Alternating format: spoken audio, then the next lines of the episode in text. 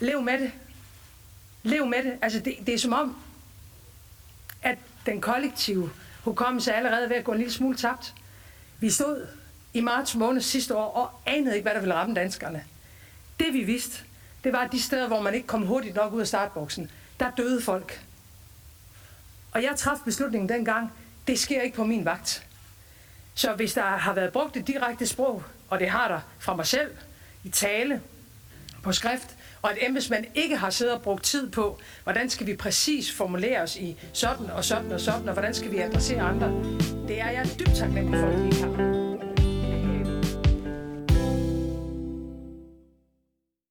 Du lytter til Minkkommissionen, som er Landbrugsavisens ugenlige program, der sætter fokus på den grænsningskommission, der i disse uger er nedsat ved retten i Frederiksberg. Mit navn er Christian Friis Hansen, og jeg er vært på programmet. Og med mig i studiet har jeg journalist Anders Rosgaard, der hver uge dækker kommissionen for Landbrugsavisen. Og hvis der i dette forløb har været en uge med det, vi vel kan kalde sådan en ubrudt øh, spænding, så må det simpelthen være øh, den her uge. I sidste uge havde kommissionen udvidet afhøringerne i det, man havde afsat hele lørdagen til at få afhørt et øh, centralt vidne, der i den grad kom med nye oplysninger og mere end antydet, at Justitsministeriet og Statsministeriet simpelthen fjernede advarsler om manglende lovhjemmel i regeringens koordinationsudvalg den 3. november 2020. Og det skal vi høre lidt mere om øh, senere.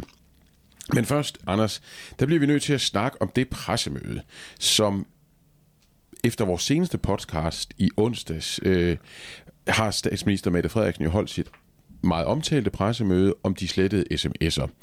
Og det skal vi lige runde, fordi det var et halvanden time langt pressemøde, hvor Mette Frederiksen godt nok fik fortalt, at hun og topfolk i ministeriet ikke var begyndt at slette sms'er på grund af Mink-sagen, men var begyndt senest i sommeren 2020. Omvendt så efterlovede øh, pressemødet stadigvæk en hel del øh, ubesvarede spørgsmål. Ja, og, øh, og, øh, og dem, dem kan man jo liste mange op af, men altså fire centrale af dem er der i hvert fald, at øh, hvis de her sms'er var vigtige nok til at skulle stille sig sikkerhedsmæssige årsager, så kan man jo spørge sig selv, hvorfor, hvorfor er de ikke blevet, blevet journaliseret? Øhm, hvorfor var det kun lige fire topfolk i statsministeriet, herunder statsministeren, der af sikkerhedsmæssige årsager skulle slette sine sms'er? Øh, hvorfor var det ikke for eksempel forsvarsministeren, justitsministeren og udenrigsministeren? Vi ved jo også, at øh, Jonas øh, Legar over i, øh, i Justitsministeriet Departement også har slettet sine sms'er. Øh, men, men hvorfor er det ikke andre end lige præcis dem? Øh, hvorfor lige 30 dage øh, går statsministeren øh, rundt med oplysninger, øh, som, som, øh, som så ikke er, kan de ikke være sikkerhedsmæssigt risikable i løbet af de 30 dage. Ikke?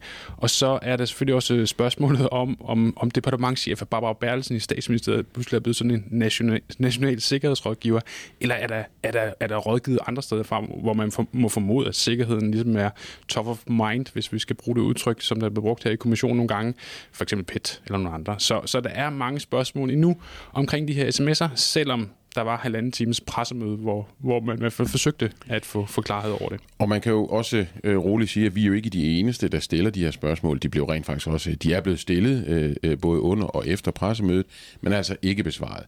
Noget af det øh, får vi måske øh, mere at vide om i løbet af øh, afhøringerne med kommissionen, men ellers så er det i hvert fald fire meget centrale øh, spørgsmål, du her øh, lister op.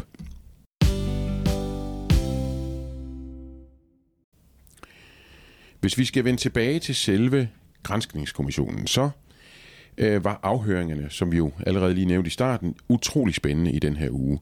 Og derfor, Anders, så vil jeg jo spørge dig, som jeg altid gør, om vi er kommet nærmere et svar på spørgsmålet, vidste Mette Frederiksen, at der manglede lovhjemmel, øh, da hun den 4. november 2020 på et pressemøde fortalte, at alle mink i Danmark skulle slås ned.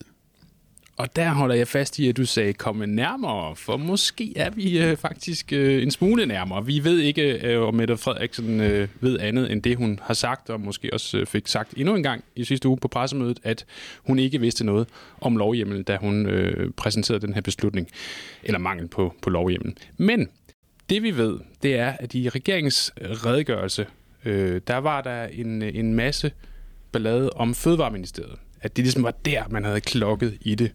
Men, øh, men mere og mere tyder på, at det ikke er hele sandheden.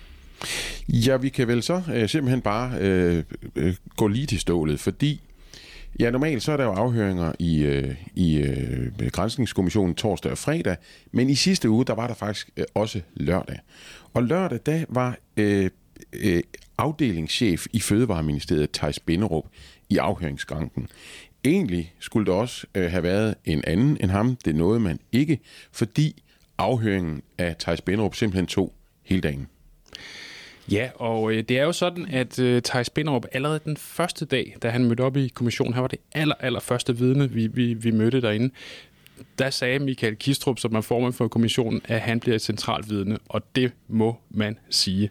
Øhm, kun afbrudt af enkelte pauser, så sad han der altså hele dagen, øh, og, øh, og han er, vist den seneste afhøring her, netop blevet et centralt vidne. Og, og hvorfor, hvorfor er han egentlig det? Jamen altså, det er jo sådan, at øh, i virkeligheden så han, alt det her med øh, nedslagning af mink, det, det lå jo i Fødevareministeriet. Lov om hold af dyr, som vi har talt så meget om, den ligger i Fødevareministeriets ressort. Og, øh, og han var langt ned i det maskinrum, øh, som, som arbejdede på at udarbejde det beslutningsmateriale, der skulle ligge på øh, regeringens øh, møde, altså det her centrale møde i regeringens koordinationsudvalg den 3. november. Øhm, og øh, vi ved også, at han så her nu kunne, og det var nyt, kunne fortælle, at centrale sætninger, som han havde bedt om at få med, ligesom på Fødevareministeriets område, pludselig forsvandt, øh, øh, inden selve mødet gik i gang. Så han har simpelthen, altså, han har skrevet noget ind, og, og, og det er ikke bare noget. Altså, det her, vi centrerer omkring, det er jo selvfølgelig om øh, der blev givet en øh, rimelig øh, advarsel, kan vi kalde det, om, at der manglede lovhjemmel. Og det han så er ude i, det er, at han siger, det har han faktisk skrevet noget om, noget om men det blev fjernet. Ja, det han, øh, det, det han fik skrevet ind, der var flere ting, der var blevet ændret, men lad os nu lige holde fast i en af tingene, som er måske den mest centrale. Det han havde fået ind i dokumentet, det var, at det ville være fatalt for minkbranchen, hvis det var, at man øh, aflevede alle mink inklusive avlsdyr. Så den sætning stod i det dokument, som regeringen skulle forholde sig til på det her centrale møde. I hvert fald indtil midt på aftenen. Han ser så lidt senere, fordi han af forskellige grunde er koblet af maillisten, så ser han senere, at det er forsvundet. Og det kan man jo se i sådan en, øh, en, en sag. Der er simpelthen nogle dokumenter, hvor, hvor det var i det ene dokument, og pludselig er det væk i det næste. Man kan simpelthen sammenligne med track and trace og alt muligt andet, og se, at øh, det er sådan. Så, så bare, lige for, bare lige for at slå den del fast. Det, det her det er så simpelthen så heller ikke bare noget, han siger. Det er dokumenteret i retten. Det er rigtigt. Der var et dokument, hvor der stod et. Senere blev det dokument ændret, så det det et ikke stod der længere. Ja, og hans forklaring var simpelthen, at han synes, at det her var så centralt en oplysning, når man begyndte at tale om aflivning og alt muligt andet, at få det ind, at det ville være fatalt. Altså simpelthen ødelægge branchen. Øhm, og hvorfor det så forsvandt, det ved vi ikke. Vi ved, at han om aftenen, da han opdager det lidt for sent, der er mødet allerede i gang, men han var simpelthen koblet af maillisterne, fortalte han, jamen der finder han ud af det klokken, faktisk præcis kl. 21.45, øh, at det er forsvundet. Der er mødet i regeringens øh, koordinationsudvalg i gang, og der er han ikke med. Men han sms'er til sin departementschef og siger meget direkte, at øh, der er så sket nogle ændringer, der er, der er ret væsentlige i det her dokument. Så, så og, og det er faktisk nyt det her, og det, og det er nyt i, øh, at øh, hele diskussionen har jo været, vidste man, og det er så i øh, aller yderste forstand jo altså statsminister Mette Frederiksen, vidste man, at der ikke var lovhjemmel. Og her har vi en embedsmand, ret højt placeret, der siger, det forsøgte han i hvert fald at gøre opmærksom på, øh, men altså, det blev fjernet. Ja, og, øh, og, øh, og i Fødevareministeriet har man det jo sådan, og det, det fortalte Thijs Binder om en hel del om, at det her med, hvis du afliver alle mink, så er det de facto en, en, en, en ødelæggelse af branchen. Det kan virke sådan lidt logisk for alle os andre, og, og måske også for lægmand, men det er jo det, som regeringen hele tiden holder fast i, at man træffer ikke en beslutning om at nedlægge minkerværet, eller, eller, eller på anden vis øh, ødelægge det. Man vil bare aflive alle mink, øh, og det kan man jo så diskutere, om det er det ene eller det andet. Ja, og der er vi jo så nede i noget, øh, måske i virkeligheden, øh, det er juristeri, men måske endda meget vigtigt, fordi det han ligesom kommer med, med sin baggrund i Fødevareministeriet det er, han siger, jamen det er rigtigt nok, at principielt så er det jo en handling at slå alle mink ned. Det øh, kan der, øh, hvad skal man sige, øh, skulle skaffes en lovhjemmel til. Og så er det jo principielt i hvert fald en anden ting at vedtage, at øh, det fremover ikke øh, skal være lovligt at holde mink i Danmark. Men det han jo så siger, det er, men i virkelighedens verden, der er den skælden egentlig øh, øh, rent øh, akademisk, fordi hvis du nedlægger alle mink, ja, så er der jo ikke nogen øh, dyr mere, der er ikke noget erhverv, øh, og derfor er det de facto det samme som at nedlægge erhvervet. Ja, og det her med fatalt, det holdt han også lidt fast i, da han blev spurgt ind til det, fordi det handler jo om, om afstyrende, ikke? Altså det her med, at, at man skal huske på, at det, som gjorde den danske minkbranche til førende i verden øh, på mange måder, det var jo, at man i mange år havde opbygget et avlsmateriale, der gjorde, at, at skindene fra Danmark havde den, den kaliber og den karakter og den kvalitet og alt muligt andet, som, som det havde. Så den viden var i fødevareministeriet. Øh, selvfølgelig var den det. De havde møder med branchen. Øh, sådan foregår det jo. Altså, ministeriet er jo ikke sådan en osteklokke for sig selv. Men det billede, vi har fået efter forløbet, har lidt været, at Fødevareministeriet her ikke rigtig rådgav øh, ministerne godt nok.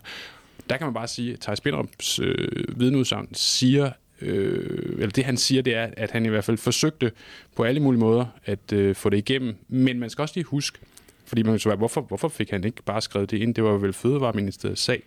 Det var sådan, at den her sag, den her KU-cover, den her KU-sag, koordinationsudvalgsmødes sag, den blev pludselig flyttet til Justitsministeriet. Så det var altså Justitsministeriet og Statsministeriet, der lavede de sidste ændringer i det her dokument. Og og dermed er vi jo, og det var også det, vi var lidt inde på i starten, vi er jo rykket en lille smule øh, nærmere, hvor øh, vi i de se, tidligere øh, øh, podcasts har beskæftiget os lidt også med de her sms'er, der var fra Barbara Bertelsen om, at man skulle holde Mogens Jensen ud i strakt arm og så videre, og, og det handlede jo om at øh, holde ansvaret fra sig. Ja, der må man sige, at Thijs Binderups udsagn ligesom flytter ansvaret stille og roligt ind på den, øh, så at sige, banehalvdel igen. Det, det, det gør det, og så kan man så sige, er det bare en efterrationalisering, som Thijs Spinov brænder rundt med i dag, og sådan ligesom er blevet... Han har det sådan i dag, at, øh, at de, blev, de blev kørt over. Det ved jeg ikke, om er hans udtryk. Det er sådan min tolkning af det. Øhm, men, men, øh, men det er det sådan set ikke, fordi det viser sig, at han allerede i slutningen af november 2020 til sin daværende nye chef, der skete jo nogle justeringer, altså Miljø- og Fødevareministeriet var, var en enhed, den blev delt i to, så han fik en ny departementschef, og, øh, og til hende sendte han faktisk en mail, hvor han sådan i den første linje skriver, for, sådan, for at sikre historieskrivningen, øh, så vil han gerne lige gøre opmærksom på, at altså mange flere vidste og kendte til det her spørgsmål om manglende lovhjem. Det var ikke kun i Fødevareministeriet. Nej, men, men, men det skal så retfærdigvis også sige, at den øh, øh, øh, øh skrivelse, som du refererer til her, selvfølgelig er skrevet efter øh, at mødet øh, var, altså selve Mette Frederiksens pressemøde var 4. november, og efter at det i dagene, øh, de, de følgende dage, øh, der blev der diskuteret mere og mere om det her med lov, lovhjemmel. At han så skriver noget den 20. Altså det øh, er jo i hvert fald efter, at øh, beslutningen blev taget, så, så, så det er måske i et eller andet omfang stadigvæk en efterrationalisering. Det er, er fuldstændig korrekt. Selvfølgelig er det på den måde en efterrationalisering, men det, man kan i hvert fald se, at anledningen til, at han skrev det, var, at der var et nyt møde i regeringens koordinationsudvalg, hvor ifølge ham havde Mette Frederiksen, statsministeren, antydet, at Fødevareministeriet sådan i sidste øjeblik fik listet nogle forbehold ind til det her centrale møde. Og det vil han bare øh, slå fast, at det var ikke sådan, at han oplevede, at det var foregået. Og så kan man så i øvrigt sige, at hvis det var, øh, at man... Øh, øh, hvad skal vi sige, satte spørgsmålstegn ved, øh, ved, ved Thijs Spinderups øh, rolle og objektivitet, så kan man jo sige, at øh, andre medier, det er i det her tilfælde Jyllandsposten, har talt med en juraprofessor og forsker i krisehåndtering ved Københavns Universitet, der hedder Christian Lauta. Og Christian Lauta er jo kan vi godt sige, nærmest 100% på Thijs Binderups øh, banehalvdel i det her spørgsmål. Ja, altså hans, hans kommentar øh, til det er jo det, at han forholder sig lidt til det her med regeringens sondering igen, om man afliver hele øh, erhvervet, eller, eller kun mængden, eller som nedlægger erhvervet, eller afliver mængden. Han siger simpelthen, regeringens sondering giver ikke nogen mening. Det er absurd at forestille sig, at man skulle opretholde et minkerhverv, når alle mink skal aflives. Det svarer til, så laver han en samling her til at forbyde fløde og bede Hansen Nis om at fortsætte produktionen.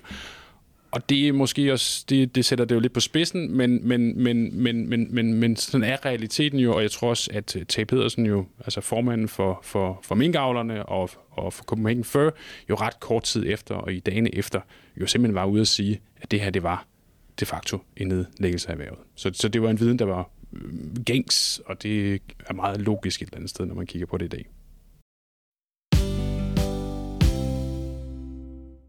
En anden ting, og det er en ting, som øh, vi kan sige trækker måske en lille smule i den anden retning her, det er, at Thijs Binderup også fik Mette Frederiksens tale, altså den hun holdt øh, den, altså på pressemødet den 4. november, den fik han faktisk at se, inden hun holdt den. Og det fortalte han lidt om i, øh, i øh, Grænsningskommissionen i lørdags, Anders, og, og der kan man sige, der øh, indrømmede han vel også lidt, at øh, han kunne have været mere øh, skarp i sin, øh, i sin fremtoning. Ja, altså jeg tror, at hans øh, ord var, at hvis han kiggede tilbage på den i dag, øh, og med det, der har udspillet sig, så tror jeg nok, at han selvfølgelig gerne ville have haft det her ind med, med lovhjemmel i den, eller øh, men, men, men det, som var hans forklaring, det var, at han på et tidspunkt så det her fra Mette Frederiksen som en politisk ambition, øh, og det er ikke... Øh, det er jo ikke helt odiøst. Altså, det er jo sådan, at der er politiske ambitioner, også før man har lovhjemmel øh, på ting, så søger man lovhjemmel bagefter. Øh, så, så det er ikke så specielt, men, men jeg tror nok, hans øh, billede var i dag, ville han nok have, have gjort noget andet. Ja, fordi men, han, det, han, men, men det er rigtigt nok, at det, det klikker jo lidt hans egen forklaring øh, på, øh, at man vidste det, det overalt, og hvorfor får man det så ikke med ja. i et centralt dokument. Og så kan man sige, så ser han talen, og det gør han klokken to. Øh, og i den tale ser han, at der ikke Altså, statsministeren adresserer ikke her, at der eksempelvis, altså hun kunne jo godt sige, at der mangler lovhjemmel, så derfor går jeg til Folketingets partier i morgen for at få det. Det ser han, at det står der ikke noget om. Og det vil han øh, i dag, siger han, ønske, at han lige havde øh, så en gang til i hvert fald sagt, det, det bør der nok stå noget om. Ja, yeah, altså man skal huske på, og det har vi også været inde på før, at i løbet af den fjerde altså før pressemødet, der var der stor forvirring i ministerierne om, om man kunne lovhjemle det her, og hvor henne, og der var sådan lidt pingpong frem og tilbage. Og Justitsministeriet på det tidspunkt øh, havde faktisk en arbejdstese om, at man godt kunne få det ind i den her lov om hold af dyr. Øh, det ved vi, at det var en arbejdstese, man har arbejdet med. Øh, og og der er, det er jo sådan noget, hvornår er der hold i en, en lov om det ene eller det andet. Men det er faktisk sådan, og det er måske lige en, en vigtig viden, at når Justitsministeriet går ind og måske arbejder med sådan en arbejdstese, så, så, så er det faktisk Justitsministeriets rolle samtidig at udfordre øh, lovene ude i ressortministerierne. Det er sådan de trygtester lige, om, om, om kunne man nu alligevel lidt, har vi nu læst den rigtigt? Altså lidt, lidt pingpong på, på loven, så at sige. Ikke? Dagen efter ender det jo med, at de siger, at, at det ikke er muligt i Justitsministeriet. Men lige der om, eftermiddagen er det en arbejdstese, og det er så det, Thijs Binderup lidt hænger den op på at sige, jamen det var jo det, der kørte, og Justitsministeriet tænkte det, så han tænkte, måske var det sådan. Men mm. jeg tror nok, se lyset, dagene var travle, bagud, så ville han nok gerne have haft det med. Men man kunne jo også spørge, hvis nu øh, en mand som Thijs Binderup, der har været nede i materien i det her, og som efter eget udsagn har råbt op øh, nogle gange omkring det her med den manglende lovhjemmel. Hvis han læser Mette Frederiksens tale øh, klokken to på dagen for pressemødet, og der ikke siger noget om, at øh, hov, der står altså ikke noget om den manglende lovhjemmel. Frikender det så ikke i et eller andet omfang statsministeren? Ja, det ved jeg ikke, om man kan sige. Altså, det, er jo, det, er jo, det, er jo, det er jo svært at vide, hvad, hvad der præcis frikender hende. Altså, det er jo sådan, at når en minister stiller sig op i en eller anden sammenhæng og siger noget, så er det jo et embedsværk bagved, der har skrevet talepapirerne. Man kan sige, at der var andre ministerier, ifølge Thijs Spinderup, der, der kendte til det her, så det kunne også være kommet fra, fra andre steder, for eksempel Justitsministeriet som jo også vidste, at der var tvivl om det, eller for den sags skyld øh, statsministeriet, som, eller, ja, eller, eller hvor det nu var, altså i hvert fald i de andre ministerier, erhvervsministeriet, altså der var andre ministerier, der vidste til det her, sundhedsministeriet vidste det sådan set også, så den kunne være kommet fra flere steder. Og så kan man måske lige afslutningsvis i, til det her øh, tilføje, at Øh, det så også er fremgået, at sagen så at sige ikke længere øh, var i Fødevareministeriet, men faktisk var rykket over i Justitsministeriet og skråstreg øh, Statsministeriet. Så han kan selvfølgelig også i et eller andet omfang have følt, jamen nu øh, tager øh, de mere overordnede ministerier over. Ja, og det bliver jo i sidste ende op til, til kommissionen og dem, der sidder der og vurderer præcis, øh, hvad de, hvad de finder mest troværdigt. Det vi i hvert fald sådan kan sige meget øh, præcis, det er i hvert fald, at øh, dokumenterne i sådan en sag taler, taler deres eget sprog, øh, og, og derfor er de jo interessante også i den her sammenhæng, hvem fjerner hvad og hvornår. Men det er fuldstændig rigtigt, at det var statsministeriet og justitsministeriet, der ligesom havde bolden på det tidspunkt. Hvis vi sådan afslutningsvis skal prøve, fordi at, at Thijs Benderup har jo øh, virkelig haft en lang dag i, øh, i øh, Grænskningskommissionen øh, fra klokken 9 til klokken kvart over 5 øh, om eftermiddagen, kun afbrudt af nogle enkelte pauser. Hvis vi ligesom skal opsummere, hvad har vi, lært, hvad har vi egentlig lært af afhøring af ham? Helt grundlæggende har vi vel lært, at, at der skete mere i Fødevareministeriet øh, øh, frem mod øh, den her øh, øh beslutning. Altså på den måde, at man vidste godt i Fødevareministeriet i løbet af oktober, at det gik helt hurtigt med de aflevninger. Det var der forskellige grunde til, blandt andet at forsvaret og politiet ikke rigtig ville gå ind på minkfarmene. Det var man ved at få løst, kunne man forstå på Thijs Binderup. Det var noget af det, han også forsøgte at få med i, i sagen, så man ligesom vidste, at okay, det, det, det kører der ud af allerede. Der er nogle forbehold for, at vi faktisk kommer videre. Så det vi egentlig fandt ud af, det var, at Fødevareministeriet forsøgte at få, få sagt og få forklaret nogle ting om, hvordan tingene hænger sammen. Blandt andet, det var fortalt for minkbranchen. Også satte spotlight på det her med lovhjemmel og manglende lovhjemmel. Men at visse ting røg ud i sidste øjeblik, og det blev pillet ud i regi i en kombination, og det ved vi ikke nu, det må vi jo vente på nogle flere afhænger på, i statsministeriet og i justitsministeriet, som sad med selve det materiale, der blev lagt foran ministerne på det centrale møde i regeringens koordinationsudvalg.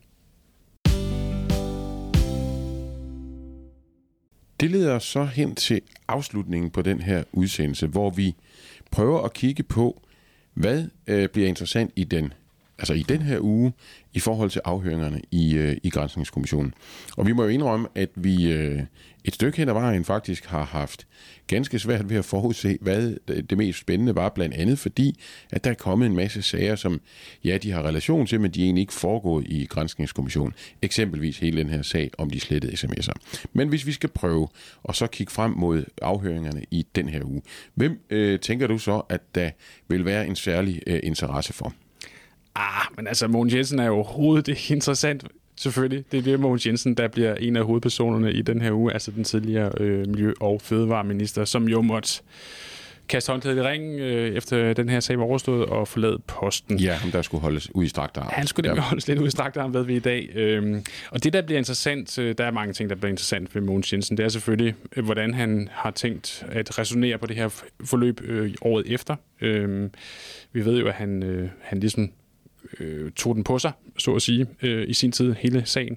Men, men hvordan har han det med det i dag? Vi ved også, at der bliver nogle interessante ting omkring, hvornår han kendte til det der lovhjemmels spørgsmål. Det er sådan, at Thijs Binderup i hvert fald så tvivl om, om han måske vidste tidligere end det, vi har kendt fra regeringens redegørelse. Øh, faktisk måske så tidligt, at han på et pressemøde, han har den 6. kl. 16 øh, muligvis er ude og, og sige ord om, at nu skal, nu skal aflingerne komme op i, i hastighed, samtidig med muligvis, og det må vi jo se og høre hans forklaring på, kendte til den her udfordring med loven. Vi ved i hvert fald, at hans øh, departementchef øh, allerede dagen før kendte til det. Og, og, og hvis vi bare lige øh, kort øh, skal, skal anholde det der med den 6. november, så når det kan være interessant, så er det jo fordi, at der var mængden jo langt fra aflevet endnu, så der kunne man hvis man øh, havde villet, kunne man have stoppet øh, beslutningen på med henvisning til den manglende lovhjemmel. Så det er ikke helt ligegyldigt, hvad, øh, hvad Mogens Jensen og hans øh, folk øh, faktisk tænkte lige præcis øh, to dage efter pressemødet. Nej, og det er jo det her med, hvornår er det en ordre, hvornår er det ikke en ordre, er det et påbud eller ikke et påbud, men man kan sige, der sidder nogle, nogle modtagere ude i den anden ende og lytter til, hvad ministerne siger og tolker på det, der bliver sagt. Så, så der må man jo formode, og det ved vi jo fra andre kommissioner, at hvad du ligesom siger er også øh, lidt afgørende. Eller det kan, være, det kan vores minkommission, eller den her minkommission i hvert fald jo sige noget om, om de synes, det var afgørende, hvem, hvem der sagde hvad på hvilket tidspunkt i forhold til den viden, de havde, og hvordan blev det tolket ud i den anden ende. Og så har vi en, øh, en interessant øh, person også fra øh, Justitsministeriet, ikke mindst i, øh, i lyset af de afhøringer, der lige har været. Ja, fordi at øh, Thijs Binderup sidder jo i Fødevareministeriet af afdelingschef, og der sidder en pangdang over i øh, Justitsministeriet, som hedder Anne Mette Lyne. Og det var Anne Mette Lyne, som faktisk, som vi talte om tidligere, gjorde det til en arbejdstese i løbet af eftermiddagen, at man godt kunne bruge lov om hold og dyr. Hun har også været ind tidligere, men hendes afhøring blev også afbrudt på grund af tid, så, så det er en genafhøring, vi har, vi har fat i igen. Øh, og det bliver jo interessant dels at høre, hvorfor det pludselig blev en arbejdstese, at man kan bruge en lov, som man så ikke kunne bruge alligevel, men selvfølgelig også at høre til de her med ændringerne i dokumenterne i sidste øjeblik. Vi ved i hvert fald, det var hende, der ligesom stod i spidsen for at koordinere materialet. Det var hende, der samlede ind og sendte det rundt, så hun må vide mere om, hvorfor den sætning forsvandt, eller de sætninger i øvrigt, men altså den vigtige centrale om, at det vil være fatalt for minkbranchen. Du har lyttet til Mink-kommissionen, som er Landbrugsavisens ugelige program om afhøringerne i den grænsningskommission, der for tiden er nedsat på, i retten på øh, Frederiksberg. Øh, du kan finde os på landbrugsavisen.dk, og vi udkommer hver onsdag kl. 15.